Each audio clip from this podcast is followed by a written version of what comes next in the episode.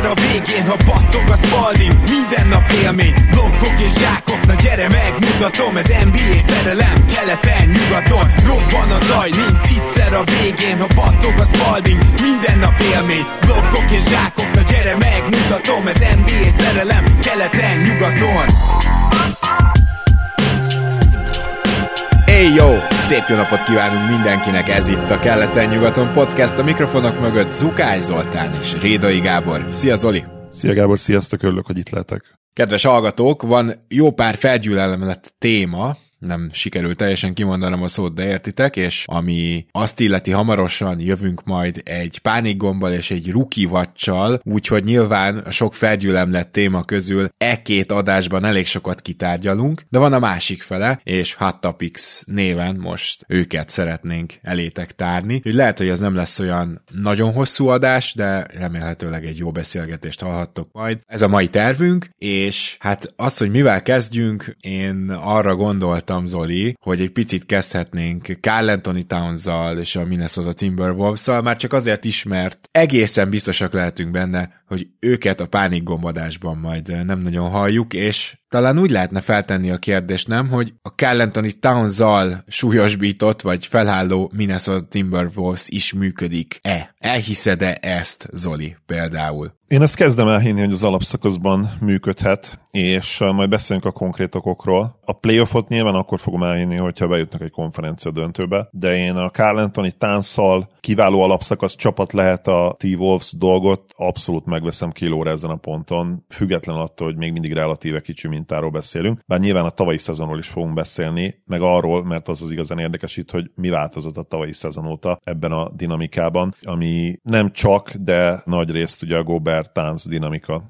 és szerintem talán a leges legfontosabb, amivel kezdenünk kell, és nyilván ez nem lesz nagy megfejtés azok után, hogy a kedves hallgatók tőlünk is hallhatták, és mindenhol szerintem olvashatták, hogy a Minnesota Timberwolves mennyire jó védekezésben, hogy igen, Carl Anthony Towns és Gobert külön is és együtt is tud működni védekezésben. Most nem is olyan régen, azt hiszem két napja néztem a legutóbbi Wolves meccsemet, most már egy ideje rájuk vagyok kattanva, mondanom sem kell, és azt láttam, hogy Carl Anthony Towns, amikor egyedül van a pályán, akkor végül is dropbacket védekeznek. Ami ugye az volt, amitől elmentek, az, ami évekig nem működött, és most tulajdonképpen hogyha megnézi az ember, akkor nem ezek a legjobb defensív line a Wolvesnak, de egyáltalán nem arról van szó, hogy halomra lehet támadni a gyűrűt. Miért? Azért, mert amit Chris Finch el tudott érni Townsnál, az az, hogy az a lényeg, hogy ott legyen a gyűrű körül, feltegye a kezét, ne ugráljon el, ne próbáljon mindent leblokkolni, egyszerűen csak a magasságával próbálja megvédeni a gyűrűt, és én azt gondolom, hogy ez egy nagy előrelépés Carl Anthony Towns felfogásában, egyáltalán hozzáállásában. Ő neki azért nincsen olyan fantasztikus, hát ezt nagyon nehéz megfogalmazni, mondják néha ezt defensive IQ-nak. Vagy ez a, ez a court awareness, az egy jó kifejezés erre, hogy pontosan érzi, tudja, hogy hol kell lenni a pályán, és mi történhet. Ebben nem igazán jó Towns. És ebben még most se annyira jó, tehát ezt azért gyorsan hozzátenném, de azért nagyon-nagyon jó perimétervédők veszik hirtelen körbe. Ugye itt azért nézzük meg a padot is, hogy itt mondjuk Nikhil Alexander Walker, vagy éppen Troy Brown Jr., ezek jó védők nagyon. Tehát, hogy itt tényleg jó védők vannak, és ennek igazából kezd meglenni az eredménye, mert lehetséges, úgy látszik, Towns köré elfogadható, és minden más line pedig rohadt jó. Védekező potenciál tenni, vagy védekező teljesítményt tenni. Gober és Towns együtt az egy nagyon érdekes dolog, mert elég gyakran védekezésben Gober játszik négyest, ami teljesen logikus, ha belegondolunk, és ugye a mai NBA gyakorlatilag másfél-két éve erről szól, hogy a legjobb besegítő védőd, a legjobb blokkoló védőd, ő legyen az, aki a leggyengébb támadót fogja, hogy be tudjon segíteni a palánk alatt, hogy be tudjon húzódni. Csak ugye az egy nagy különbség tavalyhoz képest, és szerintem ezt is hangsúlyozni kell, hogy hát tavaly még a Rudy Gobert defense-t akarta megcsinálni minden esetben a Minnesota Timberwolves, és azt mondta, hogy hát akkor Towns majd fog valakit szépen a periméteren, és most is előfordul, ez nem mondom, de leginkább az van, hogy Towns fogja a centert, és Rudy Gobert érkezik besegíteni, és nagyon működik. És az az érdekes, hogy amikor viszont csak Gober van a pályán, akkor is néha meghúzzák ezt. Ugyanis Naz Reed fantasztikus, fantasztikus szezont fut, és hogyha mondjuk Reed és Gober van együtt a pályán, akkor bizony ugyanúgy meg lehet ezt csinálni. Tehát a régi jazz recept az már eltűnőben van, hogy ide nekem a bárkit, aki bejön a festékbe, amit az Indiana folyamatosan még mindig csinál Miles Turnerrel, és hát látjuk, hogy milyen eredménnyel, semmilyennel. szóval, hogy itt teljesen, teljesen megváltozott a dinamika. Én talán ezzel nyitnék. Zoli, te még mit tennél ezekhez hozzá? Ezt nyitásnak mondod, igazából már szinte mindent érintettél, amiről beszélni akartam, de egy picit talán mélyebb rásatunk. Egy dolgot nem említettél, és ez is fontos faktor, az, hogy Anthony Edwards idénre abszolút felvállalta beleállt abba, és ezt verbálisan mondja is, ezzel is valószínűleg még nagyobb súlyokat helyezve magára, hogy ő az egyik legjobb túvé dobó hátvéd akar lenni, és egy olyan, olyan játékos, akit a pálya mindkét oldalán tartanak. Ez egy fontos szempont szerintem, hogy Edward sokkal nagyobb elánnal, sokkal több energiát belefektetve védekezik. A másik pedig természetesen az, hogy Finch, akit egyébként az liga egyik legkreatívabb edzőjének tartanak, valóban elengedte azt a tavalyi rendszert, ami arra épült, hogy tényleg Gobert felé terelünk mindig mindenkit, és majd ő megoldja. Ez egyszerűen nem működik itt. És ebből mentek át, nyilván a keret tavaly is hasonló volt már, de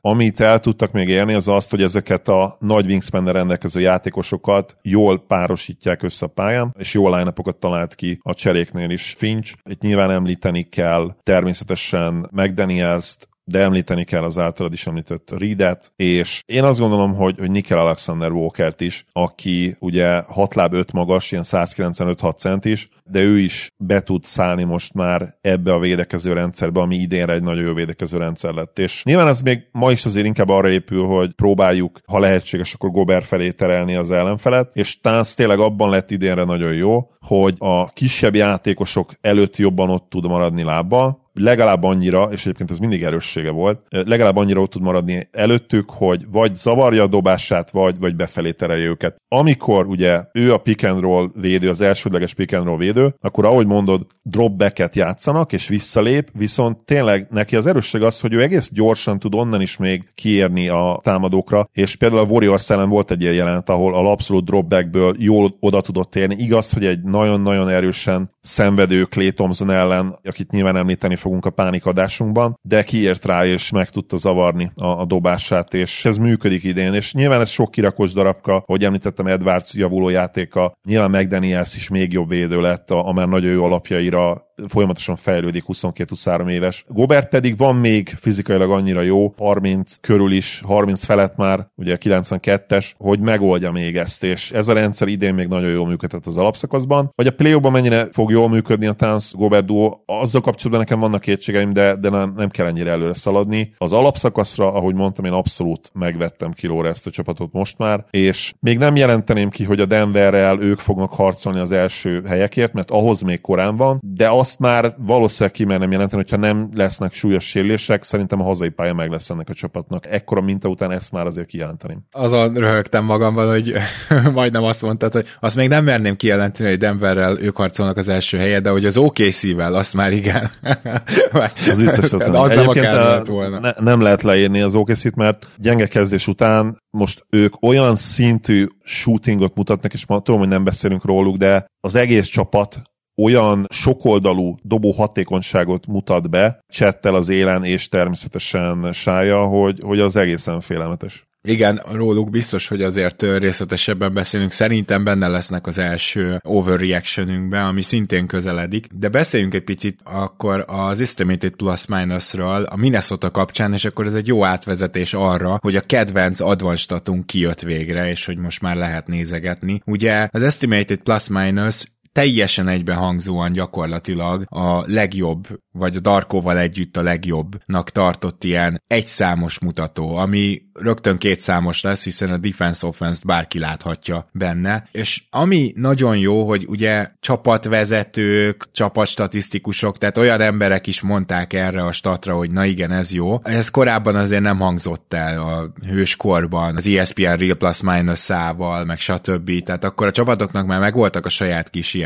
értékelő rendszereik, az IPM-et azért nagyon széles körbe megdicsérték. És nagyon érdekes, hogy kifejezetten védekezésre rászűrve Jaden McDaniels áll a legjobban, plusz 1,8-al az egész, tehát a Minnesota-ból, és akkor utána 1,7-tel Kyle Anderson, tehát azért itt a padról is, mint említettem, rohadt jó védők jönnek, és Kyle anderson valamiért nem említettem. Nyilván még zajos ez a stat, tehát itt vannak olyan játékosok, akiket úgy várjuk, hogy lejjebb mennek, például Julius Randall mondjuk, hogy egy példát mondjak. Kyle is amúgy a slow is beleélik annyira ebbe a nagy wingspan rendelkező játékos arhetipusba, amivel itt a Wolves ugye építi ezeket a nagy line és az a durva, hogy ők most már meg tudják azt tenni, és azért ez tényleg ritka, még talán a, a Raptorsnál sem emlékszem ilyenre, mert nyilván a Raptors, aki szintén ugye ez a Wingspan hátán Wingspan dolgot nyomtátok, ott se tudtatok feltétlenül, mert ott egy Fredit is azért be kellett játszani, neki is volt egy szerepe, meg nyilván ott volt Lár is. Szóval itt olyan szinten megvan ez, hogy, hogy tényleg egyedül talán Conley az, aki nem ez a szörnyeteg kategóriába tartozik, és tényleg ilyen játékosok vannak, mint a Nazil, meg ugye Slomo is, akik mindenkinek nagy wingspanje van, és nagy játékosok, és ezzel most nagyon jól tud működni ez a védekező rendszer. Ez pontosan így van, és folytatnám a felsorolást, hogy a, a következő Minnesota játékos az Rudy Gobert plusz 1,4-jel, és plusz 1,4-jel rögtön alatta Carl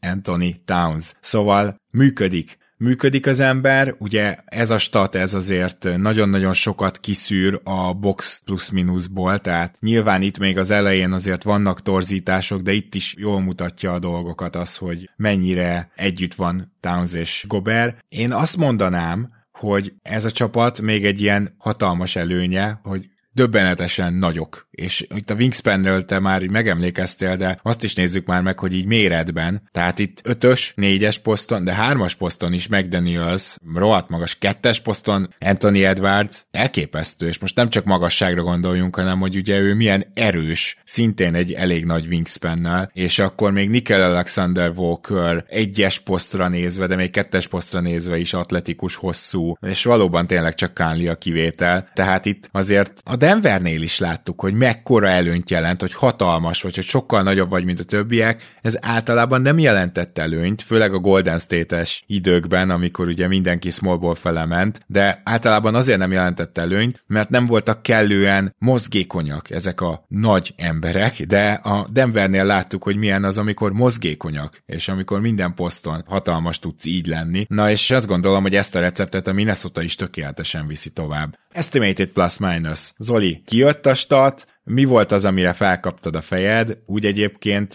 ebből majd átkötve beszélgessünk arról a két kimaradóról, akit a korai MVP listánkban nem tettünk be, LeBron James és De'Aaron Fox. Ők is jól állnak, és magasan, de azért tegyük hozzá, hogy Joker és Embiid a sorrend ebben a pillanatban, estimated plus minusben, és Halliburton pedig Shai Alexander mögött a negyedik, tehát hogy az MVP listánkkal nem is rosszul jósoltuk meg, Steph Curry egyébként LeBron James után a hatodik, tehát hogy nem rosszul jósoltuk ám meg azt, hogy körülbelül hogy áll ez a sorrend, pedig akkor még nem jött ki az IPM, és erre valamennyire büszkék lehetünk. Na de mi az, amire felkaptad a fejed? Szerintem a kedves hallgatók is felkaphatták arra, hogy az egyik top 3-as játékosunkat például egyáltalán nem említettem meg itt az első hatban. Chat nyilván azért meglepő, ennyire magasan, bár űrstatokat hoz eddig, és abszolút én azt kimerem jelenteni, hogy nagyon komoly shooting luck dolgozik együtt. Engem nagyon-nagyon meglepne azért, hogyha bár ő maga elmondta egyébként, és ez nagyon tökös volt és nagyon tetszett, hogy ő szerintem nem lehetetlen, hogy az első szezonjába belépjen már az 50-40-90-es klubba, de hát ahol ő most van, az nem belépés lenne, hanem így konkrétan nem is berúgná az ajtót, szerintem, hanem befejelni az ajtót. Tehát még a berúgásnál is, ami látványosabb módon, mert 56,5%-a dob a mezőnyből, és 46%-a triplázik. Mondjuk a büntetőzés az épp, hogy megvan ugye 90. Bár ez se igaz, mert ugye 0,7% az nem olyan kevés, 90,7%. Szóval ő mindenképpen meglepő, bár én ugye, ha jól emlékszem, én abszolút első helyen vittem volna előtt, úgyhogy ebből a szempontból én nagyon-nagyon sokat vártam tőle, és tetszik az, hogy merik, mint periméter játékos használni támadásban, és védekezésben igyekeznek nem nagyon nehéz helyzetekbe hozni, ugye neki az, hogy egy nagyobb játékossal kell egy az egybe védekeznie, jól tudja az ő jó kis besegítő védekezését játszani. Amúgy nem meglepő igazából. A Bocs, top... mondjuk már be, hogy top 10-ben van Chad Holmgren EPM-ben, hogy top, ez, top ez, 10-ben van, ez a így van. brutális, igen. Konkrétan 1, 2, 3, 4, 5, 6, 9 igen. Scottinak nagyon örültem, annak ellenére, hogy még mindig nem tökéletes minden, és vannak dolgok, amelyekkel kapcsolatban többet várnak tőle. Scotty Barnesról beszélünk, és Scotty hatodik, Barnesról, igen. Igen. Egyébként a többi nem meglepő. LeBron kicsit meglepő, hogy ilyen magasan van. Tavaly ugye, ha jól emlékszem, nem volt már top 10-ben EPM-ben, de majd kijavít valaki a tévedek. Steph helye nem meglepő, Halliburton nem meglepő, Shai nem meglepő, Jokic Embiid nyilván nem meglepő, és ami talán még meglepő, hogy Térum kicsit alacsonyabban van, és Luka is alacsonyabban van, ugye Térumot követi 3-4 helyen lemaradva. De egyébként, ha megnézzük a top 20-at, azért mindenki nagyjából ott van, aki, akinek ott kéne lenni. Annyi, hogy Kawai talán, aki meglepő módon nem, és talán Anthony Edwards viszonylagos alacsony helye ahhoz képest, hogy mennyire jónak tűnik ő is, és mennyire jó a Wolves, az, az esetleg még meglepetés. Erre én azt mondom, hogy tényleg még ez ilyen korai dolog, még várjunk ezzel, és majd mondjuk meg, ha megnézzük 25 meccs után, akkor lehet, hogy még inkább egyértelműbbé válik az, hogy például mondjuk Luka feljebb megy, Télum is feljebb megy akár, lehet, hogy Chat kicsit lecsúszik, lehet, hogy Scotty lecsúszik, és akkor egy még inkább egy tényleges top listát, vagy ranglistát tükröző dolgokat fogunk majd látni. Igen, de közben meg azt néztem, tehát ugye nyilvánvalóan Torontóból az első pillanattól az utolsóig mindent láttam, és azt néztem, hogy Scotty Barnes idén védekezésben, ebben a besegítő szerepben tényleg ilyen brutális, elképesztő impactet hoz, és például az ő magas helye ennek köszönhető, nem a támadásbeli hatékonyságának, vagy, vagy mondjuk impactjének. A másik pedig, hogy számomra Anthony Edwards nem annyira meglepő, neki meg mindig probléma van azért a dobás kiválasztásával. Hogy is mondjam, csak nem jár a csillagokban a Minnesota támadó ratingje, amikor ő pályán van, tehát ilyen szempontból nem volt annyira meglepő, de Kawai, Kává igen. Hamarosan beszélünk majd arról is, hogy mi megy a Clippersnél, úgyhogy nem akarom lelőni itt a poénokat. Azért van itt egy játékos, akit nagyon-nagyon messze kell keresnünk, pedig ő rendszeresen top 10 környékén van EPM-ben. Mit gondolsz Anthony Davisről? Ne, nem meglepő abban a szempontból, hogy ugye felmerültek olyan hangok is, hogy a fitsége, a fizikai állapota nem tökéletes. Például a Sacramento elleni meccs után ugye az gyakorlatilag borzasztóra sikeredett nála. Akkor azért egy olyan sorozatban volt épp a Lakers, hogy, hogy hat meccset játszottak tíz nap alatt, de az, az igazság, hogy nem, nem néz ki jól úgy egész szezonban. Ugye van egy csípős sérülése is, ami gyakorlatilag belejátszott a dologba. Ő maga azt mondta, hogy nem, nem, nem miatt van, de ugye ilyenkor a játékosok nyilván lesöprik ezt a dolgot, és nem fogják a sérüléssel, mert hát csak azért sem, mert ha valamikor a sérülésre fogod, akkor nyilván ezt utána tudják mások is, az ellenfelek is, hogy neked ott az tényleg valami nem stimmel, és akkor kap mondjuk egy olyan megtámasztást, egy lepattanóira arra az oldalra, egy kizárást, úgyhogy nem néz ki jól,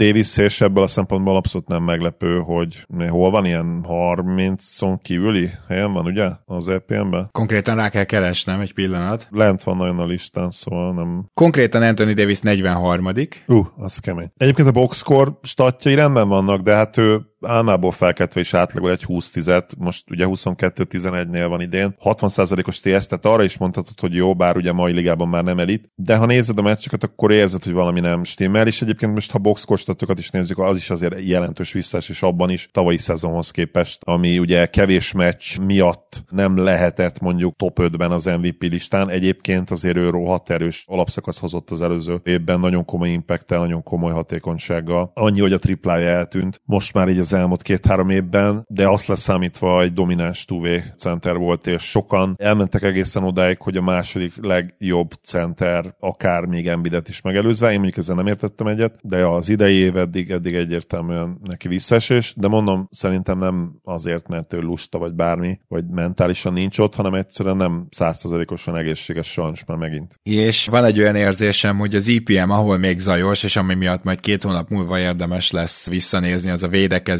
Két példát hagy mondjak, eléggé lent van ezen a listán három olyan játékos, aki az IPM-be top 10, top 15 környékén szokott lenni. Draymond Green mínuszos védekező impacttel, szóval ezt azért mindenképp érdemes lesz nézni, mert nála szerintem ez a hogyan öregszik, szépen öregszik, nem szépen öregszik kérdés, ez elég aktuálisnak tűnik. De hagy mondjak két fiatal, Jaren Jackson Jr., aki azért is lent van ezen a listán, mert jelenleg támadásban nagyon nehéz a Grizzliesbe pluszosnak lenni, de azért is mert védekezésben plusz 0,2-es, ami, ami nevetséges tőle, és Ivan Mobley például nincs benne a 40-be, pedig ugye ő azért tavaly top 10 környékén volt szinte egész évben. Az ő védekező impactje sincs még ott, ahol várjuk, úgyhogy szerintem azért még valószínűleg picit zajos ez a lista, de már egy-két trendet biztosan elkaptunk most, amit hogyha két hónap múlva visszanézzük, akkor azt már nagyjából tudjuk igazolni. Van-e még bárki más az IPM listán, Zoli, akiről beszélnél, vagy mehetünk LeBron Jamesre? Szerintem mehetünk LeBronra, ugye Jannis most nagyon jól kezdett a játszani az elmúlt négy-öt meccsen, lesz ma még feljebb, ugye jelen pillanatban nincs benne a tízbe. Szengűnre leszek kíváncsi, hogy mennyire tudja majd ezt az előkelő helyet megtartani. Egyébként más így nem ugrik nekem le a listáról nagyon, vagy ugrik ki. Visszatérhetünk erre szerintem mondjuk egy hónap múlva. Hát vagy akkor már inkább az általán kétszer is említett két hónap múlva, Az hogy is jó, hagy, hagy, hagyjunk rá időt. Jó, LeBron James viszont ötödik ezen a listán, és LeBron James az elmúlt másfél hétben mutatott játéka az a legszebb ilyen öreg James napokat idézi, ami azt illeti, LeBront kicsit azért is hagytam le én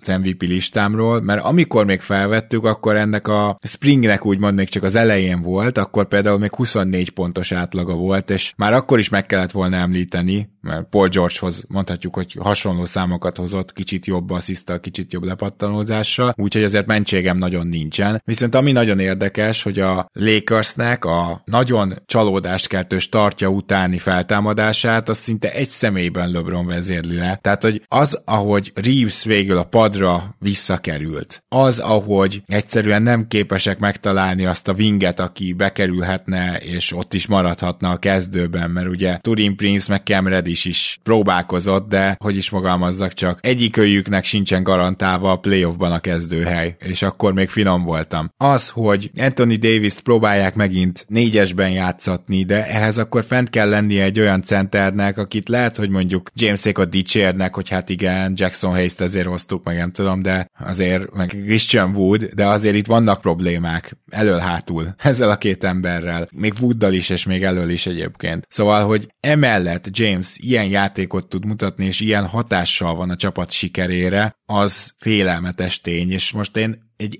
MVP listában nem dobnám be azt, hogy James hány éves, mert nem ahhoz képest kell MVP-nek lenni, hogy hány éves, de a James-t mennyire csodáljuk listára, viszont egyszerűen felveszem ezt az időszakot, hogy így 38 évesen valaki ezt csinálja. Igen, és ugye egy hónappal gyakorlatilag a 39. előtt, tehát már majdnem 39 éves. Meg hát ugye a kilométer lábokban ez a 20. szezonja? 21 Hát ugye 2003-as draft, úgyhogy 21 igen, és hihetetlen. Abszolút, és tényleg meg kellett volna említenünk, mert az oké, okay, a top 5-be talán még most a hármas winning streak után és a remek játéka után sem raktam be feltétlenül, de mondjuk a top 8-ba már igen, ha ma vennénk fel az MVP adást, és már akkor megemlítettük volna, mert ugye, bár főleg itt, ha most téged így bedobhatlak a busz azt hiszem, hogy te hoztál több nevet, mint 10, én azt hiszem csak 10 Igen. Uh, szóval ott vagy a busz alatt, bocsi. A Lakers mostanában jól néz ki, hozzáteszem, hogy a schedule azért az elég gyengus volt, és ez sajnos nem biztos, hogy változik a mai éjjeli meccsen majd, mert a Mavericks ellen játszanak, amelyeknek jó mérlege van még mindig, de ugye tudjuk, hogy a védekezés az gyakorlatilag ezer vérzik. Lehet, hogy megint egy ilyen 130 pont környékén lesznek, mert ugye a Lakersnek egyébként idén a támadójátéka az nagyon-nagyon hullámzó. Most a Jazznek ugye felraktak 131 pontot, de ők inkább azért a meccseiket ilyen 102, 106, 107, 108 pontot dobban nyerték meg, úgyhogy nagyon kíváncsi leszek, hogy mit tudunk kihozni ebből a támadójátékból. A Igen, lehet, hogy itt inkább majd. a jazz volt a ludas, mert nekik viszont 136 dob az, aki arra jár kis túlzással, tehát hogy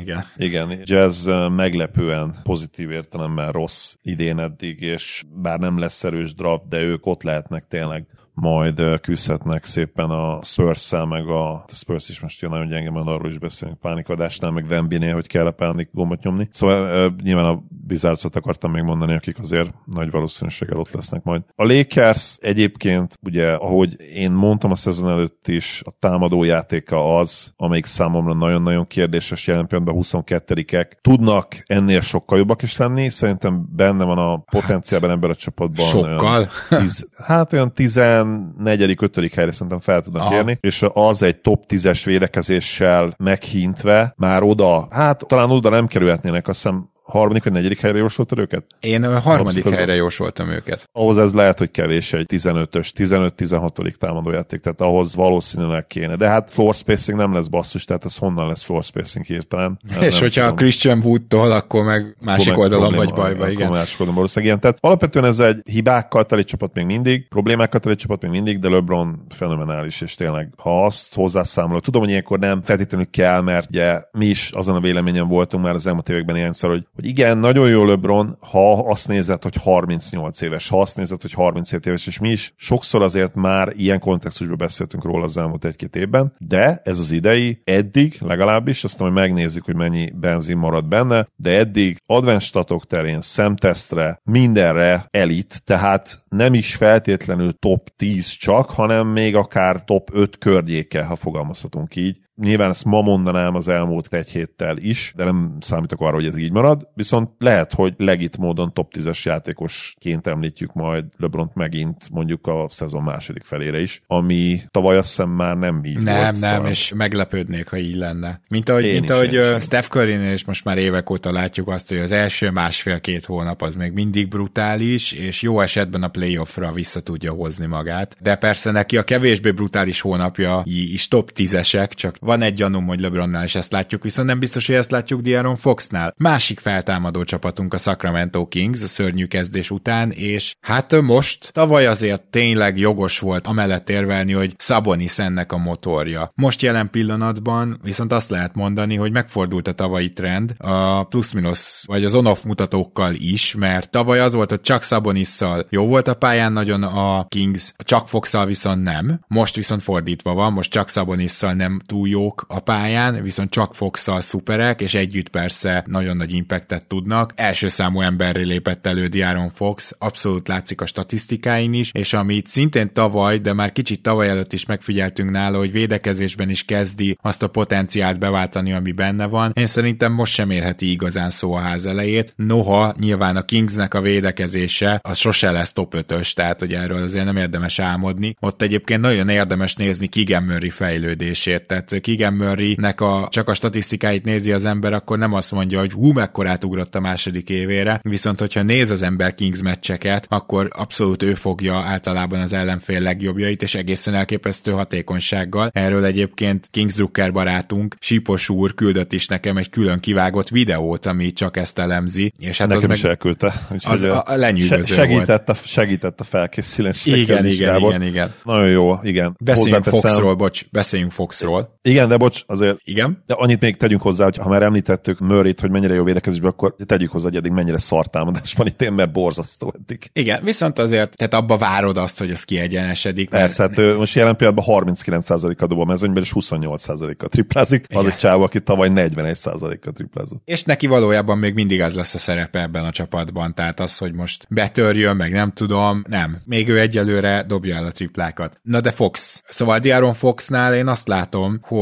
az a játékos, akit évekig vártunk, és akiről kezdtünk lemondani, azt idén eddig láthatjuk. Tehát ez nagyjából Foxnak az a maximuma, amire gondoltunk, amikor volt egy nagyon jó második éve, azt hiszem, és amikor azt elemezgettük, hogy ebből a játékosból mi lehet, azt láthatjuk most. Elképesztő továbbra is a sebessége, de én azt gondolom, hogy fél pályán tavaly is hatalmasat lépett előre, és idén talán ez még fokozottabban igaz. Az, hogy ő jó betörő játékos, ez a Shai Alexander és Tyrese Maxi típusú betörő játékos, ez talán nem volt még meg. Mármint ő jó betörő játékos volt korábban is, de az, hogy ennyire, az még nekem legalábbis nem volt meg, és nagyon jól osztogat belőle. Én azt hiszem, hogy egy picit ilyen hibrid, mert az ő triplázása olyan, hogy egyszerűen egész év kell, hogy elhidd. Azért az elmúlt évek tapasztalatai alapján szerintem ezt nyugodtan mondhatjuk, de az, hogy mondjuk bele tud állni kicsit ilyen, néha ilyen Jamal murray triplákba is, amikor már tudod, hogy el kell dobni, és ha nem is ilyen hardenes visszalépős tripla, de mondjuk egy dobócsel után maga biztosan beleáll, ezek is nagyon-nagyon jót tesznek neki, illetve az, hogy ő tényleg nagyon kell félni attól, hogy elindul például, hogy az első lépésével megver, és ezért ezért máshogy védekezel rajta, mint teszem azt egy, nem tudom, Jalen Brunsonon vagy egy Darius Gerlanden. Tehát, hogy nagyon jól használja ki most már a gyorsaságát úgy, hogy nem mindig a gyorsaságával teszi ezt, hogyha így ezt meg lehet fogalmazni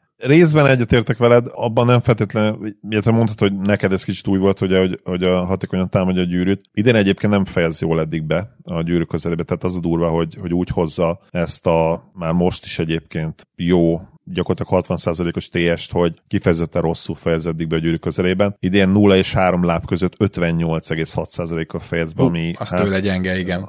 Nagyon gyenge, tavaly a 80% felett volt konkrétan. Igen, csak nála mondjuk talán nem ezt kell nézni, hanem az, hogy ez a floater range, tehát hogy ő a floatert meg a középtávolit most eléggé gyilkos módon dobja. Igen, a 3 és 10 láb között 61%-kal az jobb, az karrier csúcs lenne masszívan, tehát a floaterbe még ott mondjuk lehet visszaesés. A gyűrű közeli befejezésekben viszont biztos, hogy fel fog javulni jelentősen. És azért ő elég sokat fejez is be a nulla láb környékén, tehát nála nulla és egy láb környékén ugye ezek a félzicserek. 10 és 16 láb között ugye 54 százalék, ez nagyon jó, ez a rövidebb középtávoli, ahonnan abszolút nem jó az a 16 láb és a 3-as közeli, de onnan kevés kísérlet is volt, hogy ezek a nagyon távoli, nem is feltétlenül már, hát középtávoli végül is, mert nyilván tripla és a Amúgy, festék között van. Igen, de Duranten és DeRozanon kívül hosszú távon innen senki nem jó. Ezt szinte ki nem, lehet jelenteni. Nem. A mai ligából nem nagyon, igen. Ami nála a legkomolyabb változás eddig idén, az egyértelműen a tripla. Ugye De'Aaron Fox az a játékos volt, és még mindig így védekeznek rajta valószínűleg, hogy a, az elzárásnak ugye alá tudtál menni, és nem kellett feltétlenül felül megkerülni. Idén eddig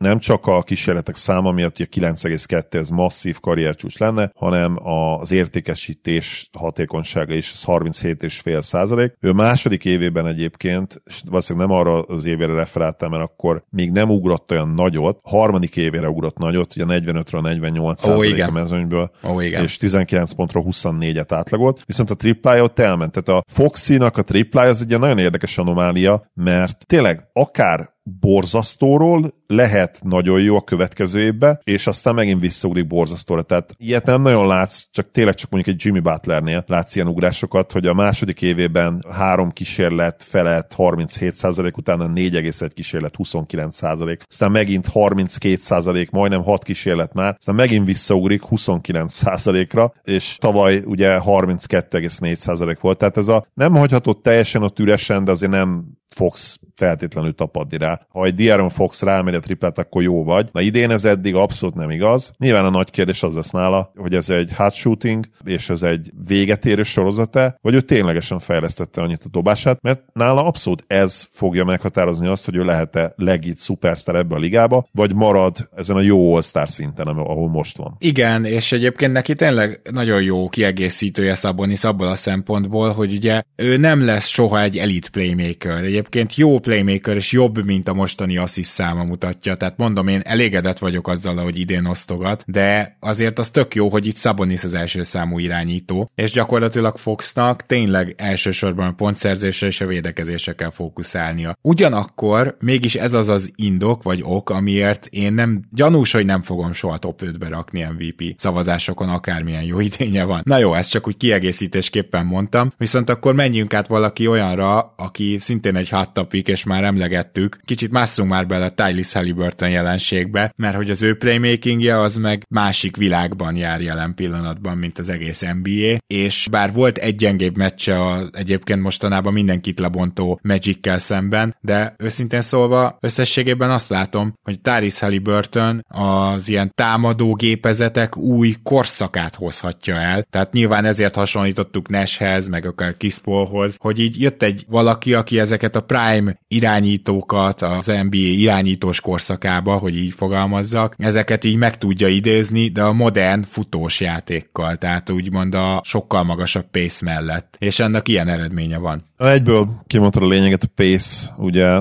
Halliburton az egyik legjobb abban, hogy fut a pályán, mint a nyúl, és idén kifejezetten a Pacers nem csak saját magához képest növelte a tempót, de mindenki máshoz képest is. Több mint fél másodperccel hamarabb indítják el például a labdát bekapott kosár után, mint a második leggyorsabb csapat ebből a szempontból, ami egy hihetetlen nagy különbség. Tehát fél másodperc nem hangozhat így soknak, de amikor arról beszélsz, hogy a második leggyorsabbnál fél másodpercet gyorsabb elindítod a labdát kapott kosár után, akkor azt ott már valami de- elkezd derengeni, hogy, hogy itt egy nagyon komoly, tudatos dologról van szó, és nem pedig egy ilyen érzésre összerakott valami. Amit Nyilván szerintem, védeket... bocs, bocs, te mint uh, Mavs Drucker soha a büdös életben nem tudtál volna képzelni egy Carlisle csapatról. Ezt csak tegyük hozzá. Nem, nem nagyon, igen. Így van. És részben, hogy ennyire hatékony tud lenni például a passzjátékában, mert ugye Halliburtonnél azt gondolom, bár egy elképesztő jó shooter, de ami őt különlegesé teszi, illetve a csomagból is, ami inkább teszi különlegesé, az egyetemen a passzjátéka. És itt segít nagyon, hogy leigazolták Bruce Brandt, hogy, de még akár egy Obi Topint is, aki ugye Knicksnél egy ilyen stop táblás rendszerbe volt gyakorlatilag, tehát Tibbs elé kirakta a pályára a stop táblát, körbe kellett nézned, meg kellett nézned, hogy oké, okay, Tibbs azt mondja, hogy mehet a forgalom, és akkor mehettél tovább. Így gyakorlatilag megkapja ezt a szabadságot is, ahogy mondta, nagyon jól mondtad, tök meglepő módon, mert egyébként ebből a szempontból Carlisle igenis hasonlított Tipshez a vaskalaposságát tekintve, és azt, hogy mit tartottak, miről képzelték el azt, hogy jó offenz lehet. De nyilván hozzáteszem Carlisle-nál ebbe az is benne volt sokáig, hogy, hogy ott volt egy Dirk Nowitzki, akire egy teljes félpályás rendszert fel tudtál húzni, és nem, nem egy fiatalos, rohanos csapat volt a, a Mavericks. Ezt a Pacers tényleg ennél a Pacersnél fogni a gyeplőt ezeknél a fiatal lovaknál, az nagy hülyeség lenne. Külön ki szeretnék térni a két Philadelphia elleni meccsre, mert az ott azt hiszem back-to-back volt, vagy valószínűleg back-to-back volt, mert olyan nem nagyon van, hogy három napon belül úgy játszol, hogy közben még beékelődik valami, szóval szerintem back-to-back volt. És mind a kettő azt hiszem Philadelphia-ban volt, ugye ilyenek is vannak most már az új NBA-ben, ahol egy olyan védelmet kapott szét, gyakorlatilag mind a két meccsen az elsőt elveszítették, mert bekaptak, nem tudom, 138 pontot, de a másodikat még meg tudták nyerni azzal, hogy rengeteg pontot dobtak. És egy olyan védelmet kapott ő szét szó szerint, amely addig a pontig, két Pacers elleni összecsapásig a, a liga ötödik legjobb védekezése volt, és tehát nem lehet azt mondani, hogy ez egy nem felkészült csapat volt, és, és szerintem azt sem lehetett mondani a Filiről, meg nem is lehet most mondani, hogy védekezésük az egy ilyen esetleg a normálnál gyorsabb kezdést produkált a, a szezonban. Nem, a Fili az egy jó védőcsapat lesz egész évben, valószínűleg top 10-es, és a két meccsen 58 pontot és 32 asszisztot osztott ki. Nem akarok hülyességet mondani, de talán turnover nélkül, vagy talán az egyik meccsen biztos, hogy úgy, az egyik meccset tutira úgy hozta, hogy nem volt labdaeladása egyébként is agresszívebb, összeraktak neki egy egész jó csomagot, és félpályára is megvannak azok a játékhívások. Most már 16,3 mezőny kísérletet vállal el, a triplája felment 7,8-ra, a 63%-os effektív mezőny százalék, ami ugye a tempókat, bármilyen féle dobást illeti, az 63% lett. Ha ezeket megnéznéd külön, ezek gyakorlatilag Steph Curry féle mérőszámok, és a liga egyik legizgalmasabb fiatal játékosát látjuk, aki tényleg egy kicsit egy, egy Nash hib hibrid,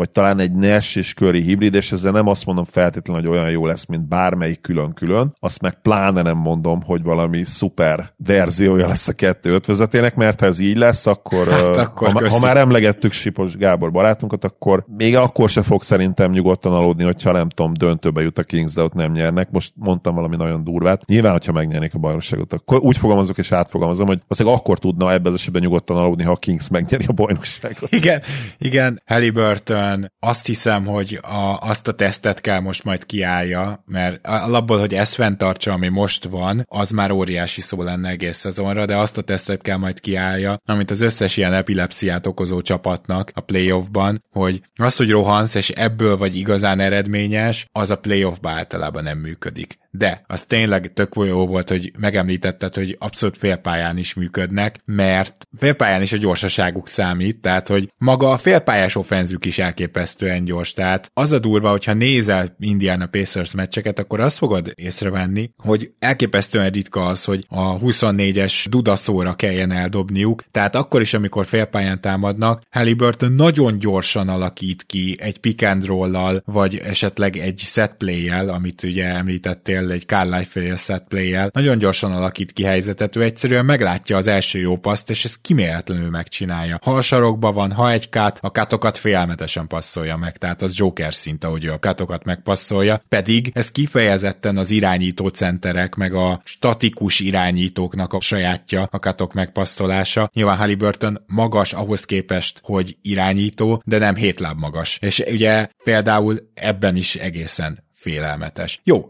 akkor beszéljünk egy kicsit a Clippersről, mert mégiscsak velük kéne talán zárnunk ezt az adást. Beszéljünk, igen, hogy mélyponttal zárjuk, bár most ugye elkezdtek kilábalni talán ebből a mélypontból, bár a Rockets győzelem a szép volt, a Spurs győzelmet, nem megbántva Kóti Ádám barátunkat, azt nem feltétlenül hát helyezem igen. most így magas. Aki nem. szembe jön a Spursnek, az gyakorlatilag dob 130 pontot és 20 ponttal nyer is. Nagyjából az elmúlt, nem is tudom, már 8 meccsen ez a minta. De mit gondolsz arról, hogy összeállhat ez a, ez a dolog, ugye egészen elképesztő, és tovább kell dicsérnem Russell Westbrookot, tehát ugye ő volt az, aki mondta, hogy és rakjatok már a padra. Tyron Lute ezzel igen, igen, igen, igen, de hogy azért az milyen durva, hogy mi itt podcastelgetünk Magyarországról, a Harden csere pillanatában megmondtuk, hogy Westbrookot a padra kell rakni. Nem azért, mert olyan rohadt okosak vagyunk, hanem mert ez gyakorlatilag mindenkinek magától értetődő volt, és te még azt is megjósoltad, hogy jó pár meccset meg fognak nézni, hogy hát ha ezt nem kell meghúzni, és amikor Westbrook mondja, hogy gyerekek rakjatok a padra, és mondom, tehát Westbrookot tényleg csak dicsérni tudom, az ő hozzáállása, mentalitása, mondjuk egy kései Carmelo Anthonyhez képest, tehát ezzel összehasonlítva, hogy milyen iszonyatos különbség van, hogy Westbrook valahol tényleg egy ilyen csupaszív csapatember, ez az, amit soha nem lehetett tőle elvenni, de úgy látszik, hogy a saját sztár státuszához képest is az, mert hogy ő látta ezeket a problémákat, és beszéljünk ezekről a problémákról, tehát voltak külön elemzések egyébként YouTube-on, és még több helyen arról, hogy bejött Harden, és még ugye nem kezdtek el Harden bolt játszani, hanem megpróbálták ezzel mindenkinek jut labda, aztán egy-egyezgetnek, de hogy Harden miért nem működött, és az egyik az volt, hogy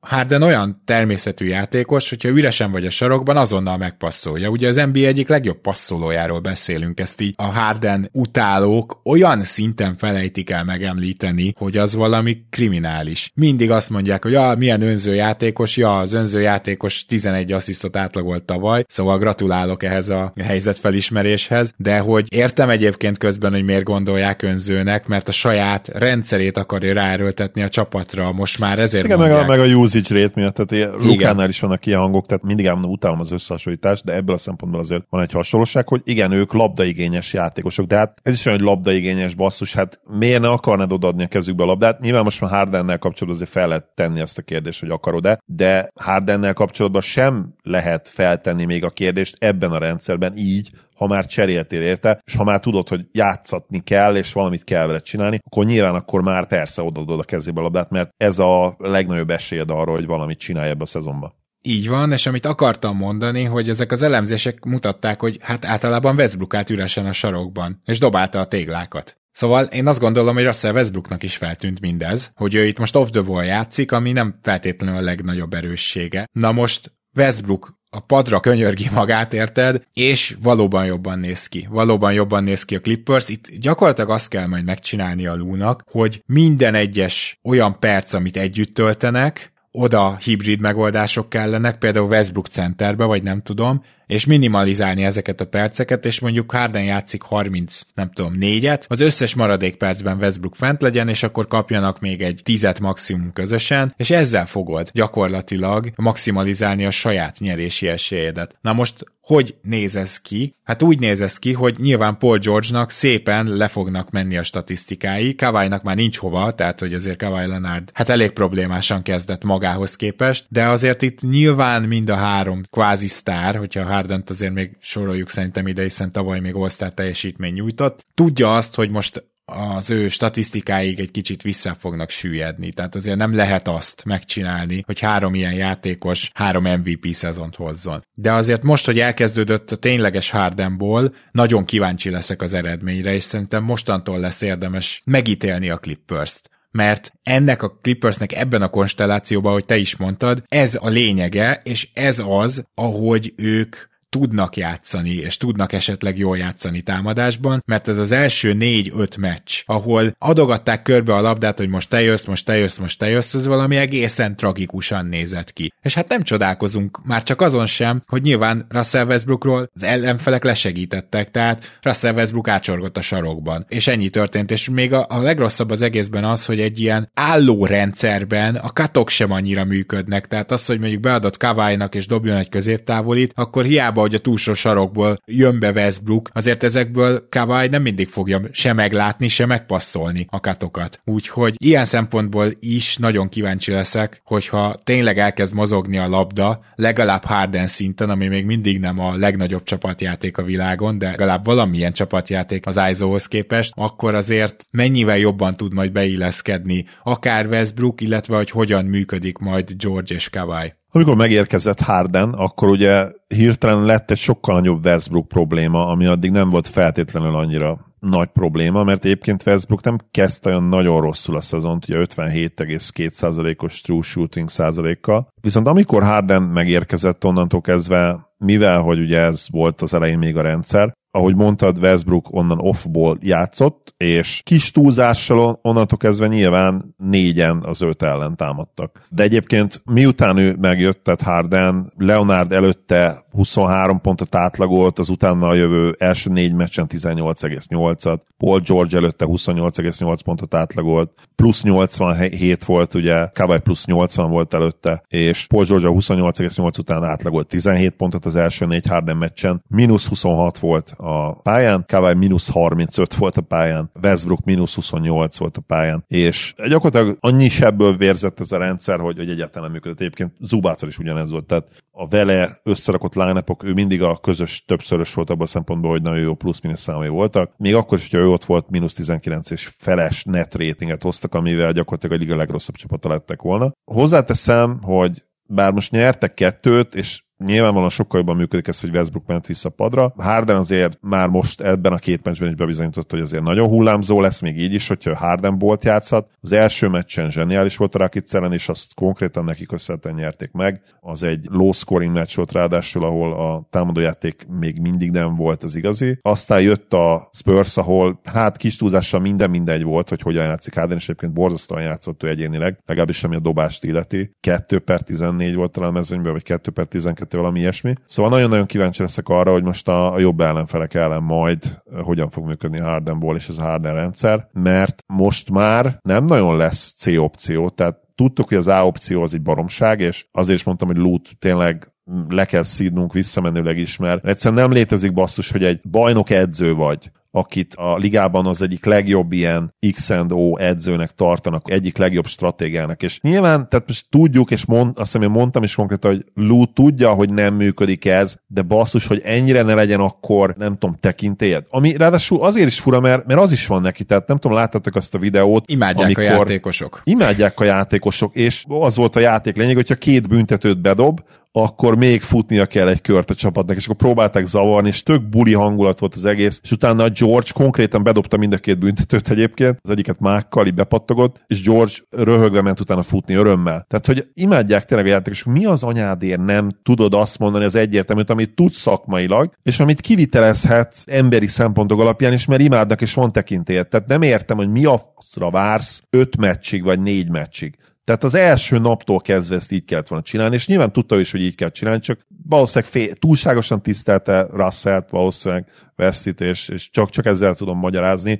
De tényleg Westbrook előtt meg le a kalappal, ahogy mondtad Gábor, hogy, hogy ő ezt meghúzta, mert lehet, hogy még, még négy-öt meccsen keresztül ezt láttuk volna. Ez egy teljesen jogos veszély. Én itt talán még annyit fűznék az egész történethez hozzá, hogy teljesen igazad van, a most következő meccseken kell majd nagyon megnézni, hogy hogy működik ez a csapat, de egy biztos, hogy itt az út az, hogy ez a csapat át kell alakuljon egy ilyen jó védekező, szarul támadó csapatból, egy minimum közepesen védekező, és jól támadó csapattá. Tehát, hogyha itt megpróbálod, azt hiszem így fogalmaztak Zekló is, Nate Duncanék is, hogy ennek a csapatnak talán nem is az lesz a lényege, hogy az egész az több legyen, mint a részek összessége, mert ezt nem lehet ilyen játékosokkal megcsinálni, de hogy legalább a részek összességét elérd. Ahhoz viszont ennek a csapatnak jó támadó csapattá kell válni válnia. Mert hogyha külön megnézed a Harden offenszt, akkor az még tavaly is egy jó támadás volt. Hogyha külön megnézed, amikor George és Kawai is pályán vannak, az mindig egy jó támadás volt. Tehát magyarán, hogyha itt legalább a részek összességét eléred, és nem is mutat ezen túl a csapat, akkor is ennek egy jó támadó csapatnak kell valahogy lennie. Úgyhogy ez lesz a nagy kihívás, és ezt érdemes monitorozni a következő időszakban, és azt gondolom, hogy mire megítélhetjük ezt az egész kísérletet, addigra legalább február lesz. Csak azért, hogy mikor térjünk vissza rá, szerintem ekkor. Tényleg az adás lezárásaként még Dominaton, vagy inkább Dominate Off jöhetne szóba,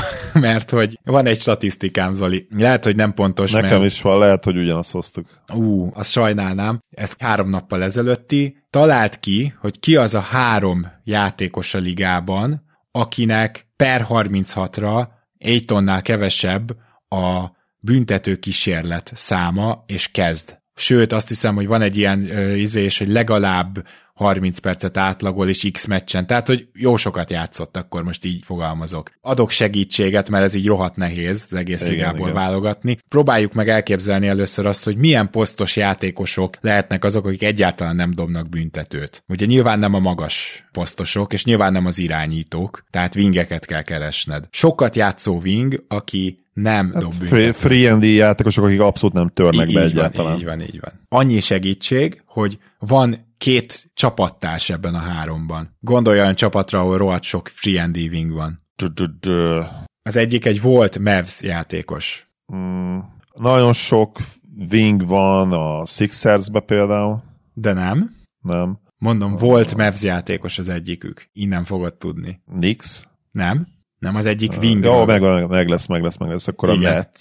Igen, na és ott egy csapattárs is. Tehát akkor ki ez a két játékos? Hát például Dodo jó így lehet. van, ő, ő az egyik. Mert ugye ő, ő gyakorlatilag alig, nem tudom, O'Neal a második ki? Így van, így van, és a harmadik játékost pedig, szintén egy wing, az nagyon nehéz, Chicagóban kell egyébként keresni, Tori Craig. De szóval teljesen ugyanaz a típusú játékos.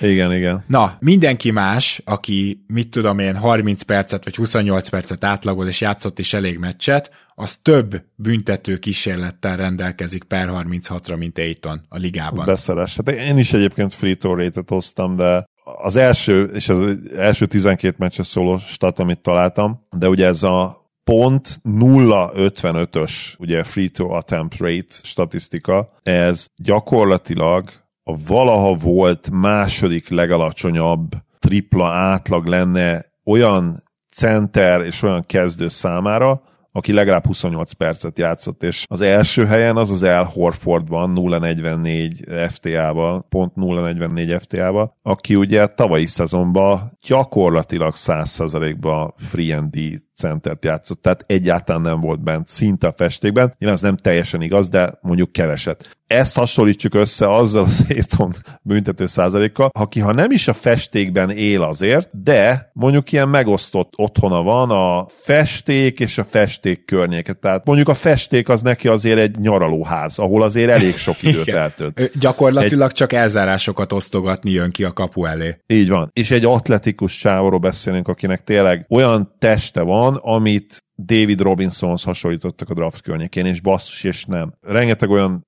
videó elemzés van róla, ahol konkrétan látod azt, hogy kerüli a kontaktot a csávó. Tehát ezzel nagyon nehéz mit kezdeni, és én ugye eléggé védtem őt, és nagyon akartam a Mavericksbe egészen, mondhatom, hogy az idei szezon elejéig, és most fordult át bennem az, hogy ő valószínűleg egy menthetetlen papírkutya, és én azt gondoltam, hogy mondjuk ha más nem, akkor egy, tényleg egy jó közeg, egy jó irányító, jó playmakerek mellett hozzáteszem, hogy azért valami meg megvolt már a Sunsba is, tehát lehet, hogy ezért se kellett volna feltétlenül arra gondolom, hogy itt csoda lehet, de hogy, de hogy ilyen játékosok mellett arra gondoltam, hogy legalább ilyen, vannak ezek a nagyon kemény kartonpapírok, tudod, hogy még mindig papírkutya lesz, de már ebből a vastagabb karton típusból, de lehet, hogy az is lehetetlen neki, és szerintem ez a játékos, és hogyha 24-25 évesen ez, akkor nem tudom, hogy miben bízik az, mert én most már nem vagyok köztük, aki abban bízik, hogy 27-28 éves korára ő egy legalább annyira domináns center lehet, amire egyébként a tehetsége és a fizikuma predestinálna, ami szerintem egy all-star szint lenne, tehát egy ilyen 20-10-es játékos, ha nem 10 büntetővel, akkor 5-6-tal, de basszus, az se fog jönni. Mert egyszerűen ez egy nem is kosáríkú, hanem sajnos mentalitásbeli probléma, és ez nem tudom, hogy valahol fog-e változni. Igen, szóval ez amikor mondják, hogy nincs meg benned a dog,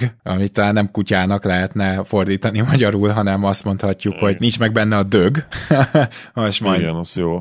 És tényleg ez az érdekes, hogy Aitonnak meg megvan a motorja, tehát teljesen fordított mondjuk egy Julius randall akiben rohadtul megvan a dög, de a motorja az ugye akadozik, tehát hogy Randall is egy, egy fantasztikusan sokat dolgozó játékos, aki nagyon jól egyz, és rengeteget fejleszti a saját játékát, mindent megcsinál, csak a pályán ez a motor, és úgy tűnik, hogy ez a dög, ez még többet tud érni. Ez még többet tud érni, és tudod mi a lehetetlen? Egy tomban az, hogy egy ilyen jól lepattanózó játékos, hogy még lepattanózás közben is faltolnak, amikor visszateszed, tehát hogy azt szinte, nem tudom, ő elkerüli, vagy minden egyes lepattanó után kifordul. De komolyan, tehát hogy egészen döbbenetes, tehát ez már ilyen elképzelhetetlen szám, ami vele és a büntetőivel történik. Hát én nagyjából ennyivel készültem a mai adásra. Zoli, van-e még bármi, amiről esetleg beszélnél, vagy megemlítenéd? Hát beszéltünk sok mindenről, de akkor tovább tartana ez. Szerintem ez jó lezárás volt a mélyponton, Aitonnal hagytuk abba, és tényleg volt a Clippers után talán egy még mélyebb pont, ami ő volt. Várom a következő hetek adásait, és igen, beszéljünk egy kicsit a videóról, ugye most van egy ilyen side project nekem, Gábor volt már annyi intelligenciában, hogy nem vállalt el a... Melyik lett volna? Harmadik könyvfordításunk lett volna együtt, vagy második? Második lett volna együtt, igen. De neked volt még egy mellette, nem volt, ugye ez lett volna neked össze-vissza a ne, második. Nekem össze-vissza a második, igen. Igen, szóval neki volt annyi, hogy nem vállalt el. Nyilván viccelek egyébként, nagyon jó dolog ez, könyvet fordítani, és én nagyon-nagyon élvezem, csak hát nyilván időigényes, mert az ember igyekszik a szívét, lelket belerakni. Ha véletlenül hallja valaki, ugye november 30 a határidőnk, és meg leszünk a határidőre, tehát ez tök jó, cél egyenesben vagyunk, de hogy a videónk az kicsit csúszott emiatt, és most egy ilyen érdekes dolog lesz, hogy az beszéltük Gáborral, hogy bele kellene nyúlni a sorrendbe, mert ugye ez nyilván akkor lett volna ideális, ez egy szezon előtti sorrend lett volna. Valószínűleg nem fogunk bele nyúlni, de majd kíváncsi vagyok a véleményetekre is, hogy szerintetek igazítsuk egy kicsit most ezt a sorrendet a mai állapotokhoz? Ugye a top 50-es, 50-es játékosok. Lista, igen, mert ha talán azért lenne az jobb, mert nyilván akkor napra készebb lenne. Tehát ha ez a szezon előtt kiment volna, az tök jó lett volna, de nyilván például Maxi csak egy példát mondjak, sokkal alacsonyabb helyen van még a scriptben, mint ahol most lenne, szóval ez ilyen érdekes kérdés, de nyilván ha ezt így is csináljuk, akkor ezt természetesen hozzá fogjuk tenni, tehát ez nyilvánvalóan a mai állapotot fogja akkor tükrözni, és akkor természetesen például LeBron is ezzel a kezdéssel valószínűleg kicsit feljebb kerül majd. Mindez egy ilyen érdekesség, ettől függetlenül ugye nagyon sok munkaórát beleraktam, beleraktunk, és ki fogjuk rakni ezt a videót hamarosan. Most pontosan mikor azt most nem tudjuk még, de tényleg pár héten belül. Ugye most ez a könyvfordítás kicsit így bele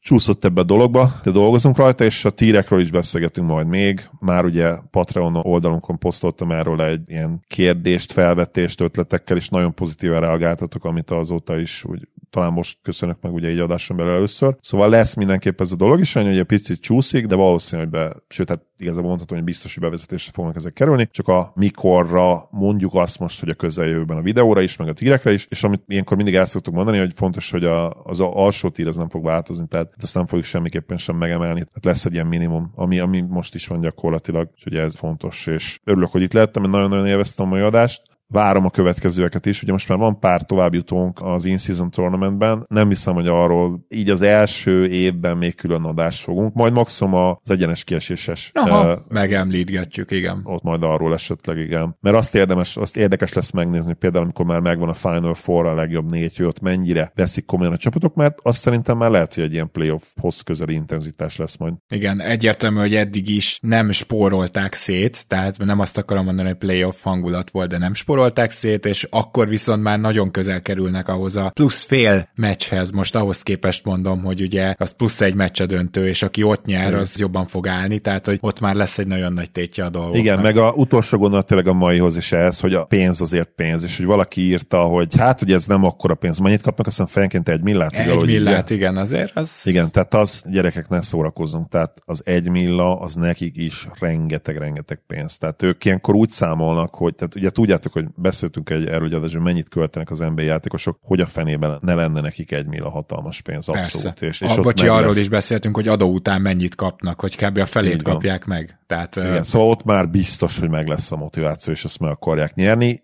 Igen, a pénz miatt is. Persze. Örülök, hogy itt lett. Köszi Zoli, hogy itt voltál. Ha már én nem kapok egy millió dollár, de hát függetlenül nagyon örülök. Mi pedig hamarosan jövünk, pánikgombot nyomogatunk, az első rukivacs is érkezik, és ráadásul egészen hamar, tehát én azt gondolom, hogy most itt a következő 6-7 napban akár három adás is jön majd, úgyhogy tartsatok velünk, és ahogy Zoli is említette, még mindig havi egy dollártól tudjátok támogatni a munkásságunkat, és ez nem is változik majd patreon.com per keleten-nyugaton, és nagyon köszönjük, hogy ilyen sokan így tesztek. A legjobbakat kívánjuk addig is, jövünk, tehát tartsatok velünk, minden jót, sziasztok!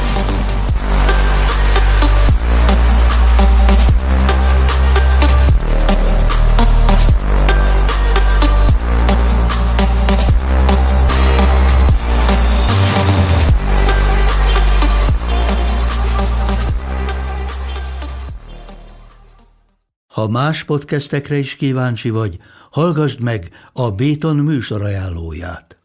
El tudod képzelni, hogy a podcastet, amit éppen most hallgattál, fél év múlva már a mesterséges intelligencia generálja? Mi sem. De ha érdekel, eljött már a gépek lázadása. Hallgass bele az Embertelen podcastbe. Orsós Lajos vagyok, a műsor házigazdája. Egyelőre még élőben. Egyelőre. Fedezzük fel együtt, hogyan ismerkedik, randizik, mesél és vitatkozik Betty és Péter, két teljesen mesterséges intelligencia. Lajos, a podcast címét mond még egyszer, Léci. Oké. Okay. Embertelen podcast. Ez a műsor a Béton közösség tagja.